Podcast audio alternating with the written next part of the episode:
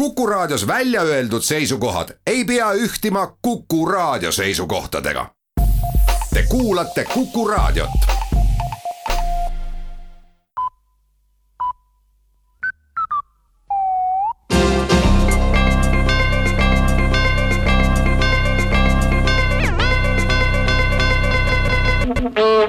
tere uudistestuudiost, mikrofoni juures Rohke Debelak valitsus annab teada, et kõrgete energiahindade otsest kompenseerimist lähiajal plaanis ei ole, kuid juba töötatakse mitmesuguste lahenduste kallal. Eesti Energia ja Keskkonnaministeerium on sõlminud koostööleppe, mille tulemusena hakatakse elanikkonnale peatselt müüma küttepuuistikuid. Küttepuuistik istutatakse ahju ette mullaga täidetud potti ja küttepuulatva painutatakse ahju suust sisse. küttepuu kasvab nii kiiresti, kui kiiresti küttepuu ahjus põleb. kui kütmist soovitakse lõpetada, tuleb küttepuulatv ahjust välja tõmmata ja ära kustutada. kui küttepuu ei põle, siis ta ka ei kasva. esimene küttepuuistik tuleb müügile kohe, kui aretusprojekt lõpeb valitsus arutas eile ka riigieelarve täitmise täiendavaid võimalusi. põhjalikumad arvutused on näidanud, et mitmete aktsiiside tõstmise asemel on otstarbekam kehtestada hinnatõusumaks. esimesest oktoobrist kehtiv hinnatõusumaks on esialgu seitse protsenti ja rakendub tootele või teenusele koheselt, kui selle hind tõuseb. kuna hinnatõusumaksu tõttu tõuseb loogiliselt ka toote või teenuse hind, siis rakendub koheselt taas hinnatõusumaks ja hind tõuseb veelgi mille tulemusena suureneb taas omakorda hinnatõusu maksust laekuv tulu.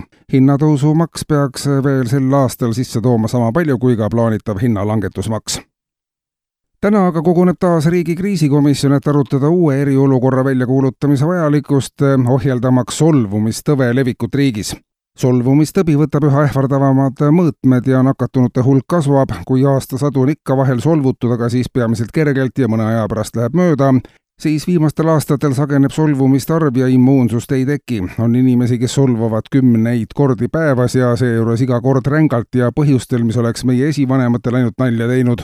solvatud solvavad siis teisi, kes ka solvuvad ja solvumistõbi levib üha kergemini ka on solvumistõbi esimene viirus, mis levib peamiselt tehnoloogiliste vahendite kaudu ja suures osas interneti abil solvumisvastase vaktsiini väljatöötamisel pole teadlaste sõnul mõtet, sest peatselt on kõik nii solvunud, et peavad vaktsineerimist sügavalt solvavaks.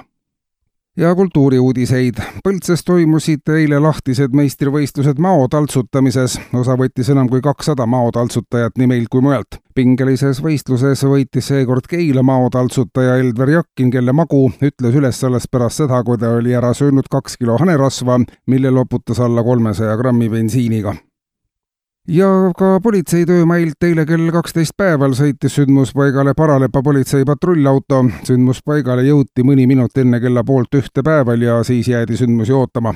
kell seitseteist raporteeris patrull keskusele, et sündmuspaigal pole ühtegi sündmust aset leidnud. kell kakskümmend kaks kolmkümmend kuus oli olukord sündmuspaigal endiselt rahulik operatiivtöötajate sõnul pole sellel sündmuspaigal mitte kunagi midagi aset leidnud, aga kuna tegemist on Paralepa ainsa sündmuspaigaga, siis pole ka patrullil muud valikut, kui oodata sündmuste edasist arengut. plaanitud on küll ka sündmuspaikade toomist Tallinnast, aga seni pole kohalikul omavalitsusel lihtsalt rahalisi vahendeid.